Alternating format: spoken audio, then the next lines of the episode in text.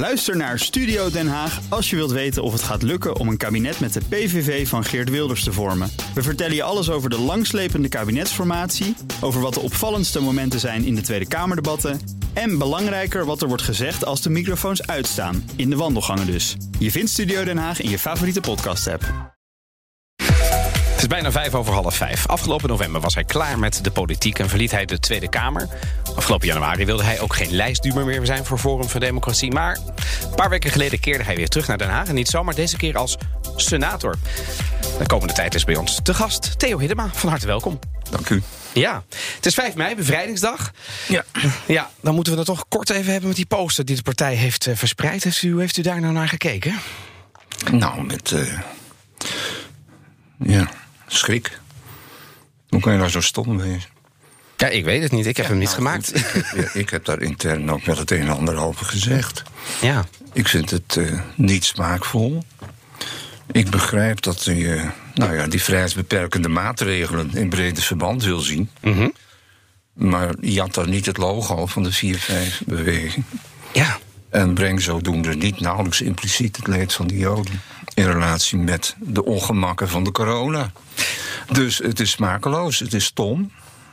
Ja, ja. en, en van, u distanceerde zich juist Nou, ik ben uit de politiek gegaan op dit soort vragen die ik nu ook weer krijg ja, van u. daar heeft u geen zin in Daar heb ik helemaal geen zin in. Ik Dat moet snap ik. ik. moet me de hele tijd zelf rechtvaardigen ten Ja. opzichte van verwijten waar ik me helemaal niet bij thuis. Nee, maar snapt u dat ik hem moet stellen? Ja, je mag hem rustig stellen. Ja, want het, het- er is natuurlijk ophef. En dan zou je kunnen zeggen: ja, maar er is altijd ophef tegen Forum voor Democratie. Maar dit keer leek het alsof de Tweede Wereldoorlog een beetje werd gebruikt Ja. voor politieke doeleinden. Ja, dat is hartstikke stom. Ja. En eh, dat wordt heel vaak gedaan. Bij alle herdenkingen de afgelopen decennia wordt voortdurend gewezen op het grote gevaar dat er ons wat op de loer ligt. En dan moeten we goed eh, eraan denken dat die mensen in het verzet en al die slachtoffers van het eh, binnen, binnen de Joodse bevolkingsgroep. Dat die niet voor niks zijn gestorven. En we Ja. moeten sterk zijn tegen opkomende gevaren. Dus altijd al is de eigen politieke voorkeur eh, ja, in het zonnetje gezet. Ook nauwelijks impliciet. Op, met de relatie met de Tweede Wereldoorlog. Dat is niks nieuws. Wat was de strekking En van. daar ben ik altijd fel tegen geweest dat dat gebeurt. Want je vergrijpt je in het leed van de Joden. En wat was de strekking van de Ehm. reactie van de heer Hiddema aan de partij?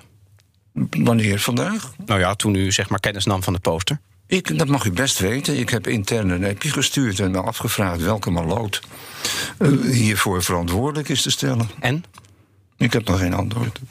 En heeft u dan niet zoiets als u nu dus weer zo'n incident meemaakt? U bent net terug als senator. Dat u dan denkt, ja, hierom ben ik dus weggegaan. Waarom ben ik nou teruggekomen? Nou, dan houdt het nooit op, denk ik. Nou, waarom ik terug ben gekomen, dat is omdat ik politiek eh, heel bewust leef, mag ik het zo zeggen. Ik ben altijd in geschiedenis en politiek geïnteresseerd geweest. En het, het verkiezingsprogramma van Forum, dat is beeldschoon, dat is hartstikke democratisch. En dat getuigt van goed burgerschapszin als je, die, als je achter die partij schuift. Er is helemaal niks mis mee. Maar kunt u dan over dit incident heen stappen? Nou, kijk, eh, het is een kwestie van stemming en humeuren dat ik uit die Tweede Kamer ben weggelopen. Want ik werd het beu. Het ging nergens anders over. Je moet jezelf steeds schoonwassen. En daar ben ik niet het geschikte type voor. Ik denk, waar bemoei je mee? Ik maak Nee. zelf wel uit. Nou, uw woorden waren volgens mij toen verband houdende met de goede smaak. En als ik naar deze poster kijk, dan denk ik, dan krijg ik dan een vreemde smaak van in de mond. Nou, dat heb ik dus ook in die app verklaard. En eh, ik vind het getuige van hele slechte smaak. En je geeft de tegenstander alleen maar munitie om je weer te beschieten. Ja. En, ehm, maar ik ben dus weggegaan vanwege onder andere eh, dank een, een politieke depressie van. Dus noem het maar humeuren. Maar mijn temperament was ook niet geschikt om tien uur lang per dag te vergaderen in de Tweede Kamer. Dat heb ik echt. eh, ik moet eh, concrete inbre- ja, resultaat zien van mijn inbreng. ja. Wij hebben En- nog ook en nog even. vervlucht alles eh, per dag. En er wordt een heleboel misbaar gemaakt. Ik had er geen geduld voor. En toen dacht ik, nou ben ik uit de politiek. Ik scheid ermee uit. Maar ik zeg u al, ik ben politiek wel altijd bewust geweest en gebleven. Nou zit er een historie aan dit verhaal, maar die kende ik ook niet. 2019 waren de Eerste Kamerverkiezingen. En daar heb ik ook aan meegedaan. Ik was als, als bescheiden lijstduwer op de lijst komen te staan. En wij werden toen de grootste partij van het land, zult u zich kunnen herinneren. Zeker. En wat schetst mijn verbazing, zeker nu, toen heb ik er niet bij stilgestaan. Ik, werd de, ja, ik kreeg de meeste stemmen als voorduwer. Dus ik stond bovenaan als, als verkiesbaar. Nou, toen heb ik een briefje geschreven dat ik afzag van het lidmaatschap van de Eerste Kamer, want ik zat in de Tweede Kamer. Ja. Dus toen ik in de Tweede Kamer zeg, aju paraplu, was voor mij de, de- ja, de beslissing genomen. Je ziet mij nooit meer terug in de politiek. Eh, maar ik wist niet precies hoe het werkte kennelijk. Want toen werd ik gebeld door de kiescommissie, een dikke maand geleden. Eh, want er was een voormalig FVD-lid vertrokken uit de Eerste Kamer. Er viel een zetel vrij. ja, dat was mevrouw Pauw Verweijer. Juist, Ja. en daar had ik recht op. Ik zeg, Ja. hoe kan dat nou? Ik heb toch een afscheidsbriefje gestuurd? Hoeft niet meer. Ja. Nee, zo werkt het niet. Als er weer een stoel openvalt, dan bent u weer aan de beurt. Toen dacht ik, frek.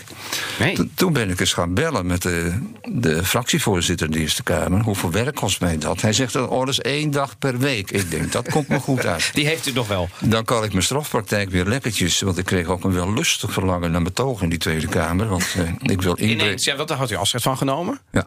Ik wil, ik ben, nou, nee, ik heb mijn praktijk altijd aangehouden, maar op een laag pitje. Ja, maar ja, laag- ik bedoel, echt, echt heel veel za- strafzaken kun je niet doen op het moment dat je zeg maar zit een Tweede Kamerlid bent. Dat is nee, dat, beduidend dat meer moest ik ook heel zorgvuldig doseren. Dus Ja. ik heb twee advocatenpraktijken bijkans moeten ontmantelen voordat ik de Tweede Kamer inkwam. Ja. Maar ik kreeg heel veel heimwee als ik al die uren naar het plafond zat te koekeloeren. Want ik wil resultatie van me inbrengen. Dat krijg je nooit in de Tweede Kamer. Nee, we, we hebben nog een mooie afscheidsbrief, althans eh, in, eh, in, in audio, als u de koptelefoon eh, opzet. snapt u nou? Toen kreeg ik dus opeens te horen dat ik alsnog recht had. Nou, ik heb een mandaat van hier, dat gunde. Ik kom niet met ellebogen of, of als carrièrepolitici. Dankzij bewezen diensten ga je maar in de Eerste Kamer. Nee, ik had het volste recht. Ik had de meeste, meeste kiezers. Ja, het kwam En toen dacht ik één dag in de week, dat is te doen. En dan kan ik vaktechnisch politiek bedrijven. Ja, daar gaan we het zo over hebben. Want als senator, de Chambre de Réflexion, heb je natuurlijk een hele andere taak dan het, het, de, de, de, de aan de overkant. We hebben een fragment van de afscheidsbrief van de toenmalige Kamervoorzitter. Moeten we even de koptelefoon opzetten? Dan kunt u namelijk even meeluisteren. Oh, die met- ken ik uit mijn hoofd. Nou, dat is mooi. Wij gaan er even naar luisteren. Geachte mevrouw Ariep, lieve Khadija.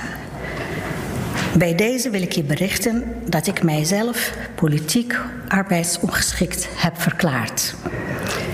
Dit vanwege recent opspelende persoonlijke omstandigheden, verbandshoudende met zaken als goede smaak, eigendunk en arbeidsvreugde.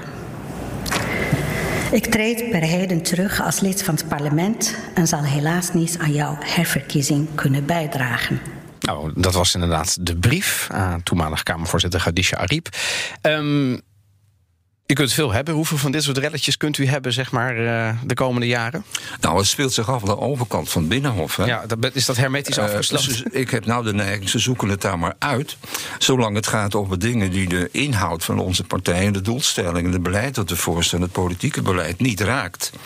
Maar eh, als ze vinden dat ze op deze manier aandacht moeten creëren. Mhm. Ik heb meer de indruk dat het een misplaatste intellectuele behoefte is om iedere dag met een prikkelend standpunt te komen. Van kijk eens wat een wij hier in huis hebben. Maar u zegt de hele tijd ze, maar u hoort erbij. u, u hoort bij Forum voor nee, Dat ziet u Democratie. helemaal verkeerd. Ik ben nu Eerste Kamerlid, ik ben senator. Bij Forum voor Democratie. bij Forum voor Democratie. En daar ben ik ook helemaal heel trots op. Of gaat u zich afscheiden?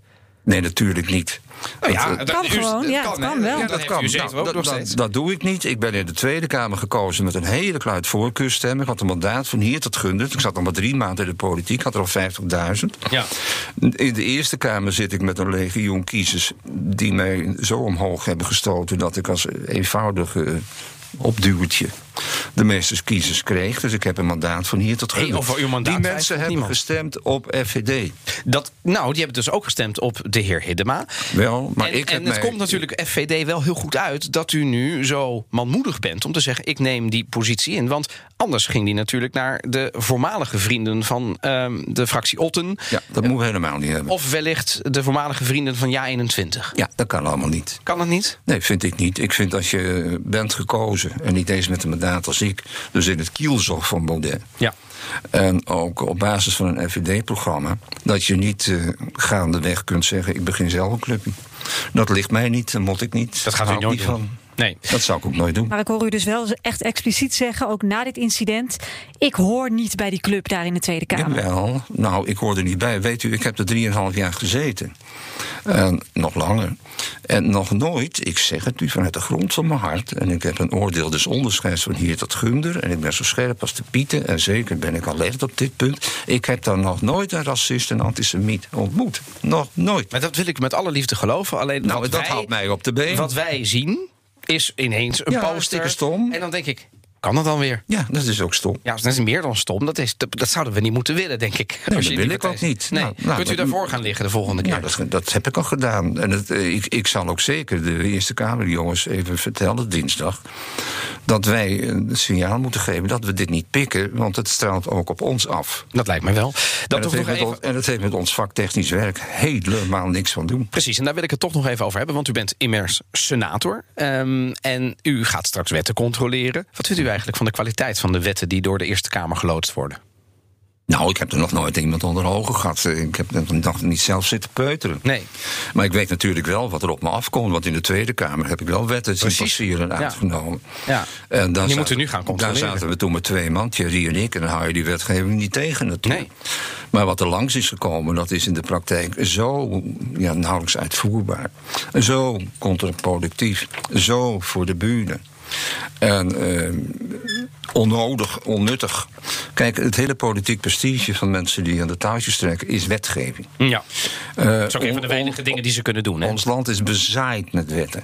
Eh, het komt op handhaving aan. We zitten in een spinnenweb van wetten. En zeker op mijn terrein, juristerrein. Ja. Eh, wat je moet doen is handhaven. Maar ja, als je zolang je politiek prestige ontleent van ik heb er een wet doorgekregen, ik heb een abonnement erdoor gekregen, ik heb de, de wetgeving. En ieder incident wat we hebben, dan vlucht men naar voren. Hè? Als politiek verantwoordelijke die Ja. moet handhaven, gaat hij zeggen: Oh, ik kom met een nieuwe wet met hogere straffen. Oh, ik kom met ver- wetverhogende pakkansen, noem maar op. Alles nieuwe wetgeving. Ja. Dat duurt vier, drie, drie, vier jaar. En dan ben je er vanaf, maar je staat je straalt daadkracht uit. Nou, die komen al bij mij op het, op het bureau.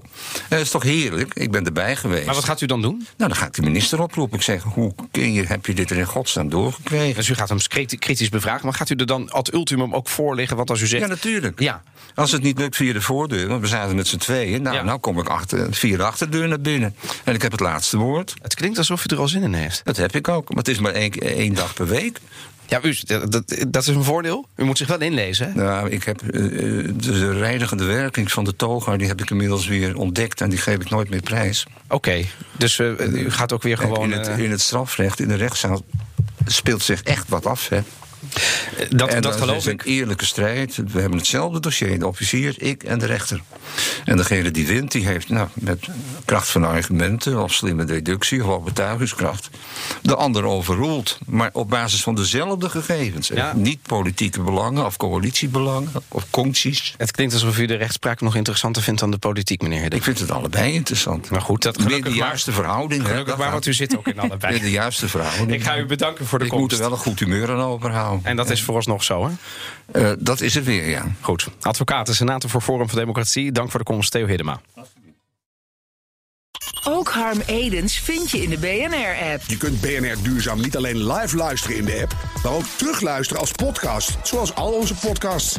En naast dat de BNR-app Breaking News meldt, houden we je ook op de hoogte van het laatste zakelijke nieuws. Download nu de gratis BNR-app en blijf scherp.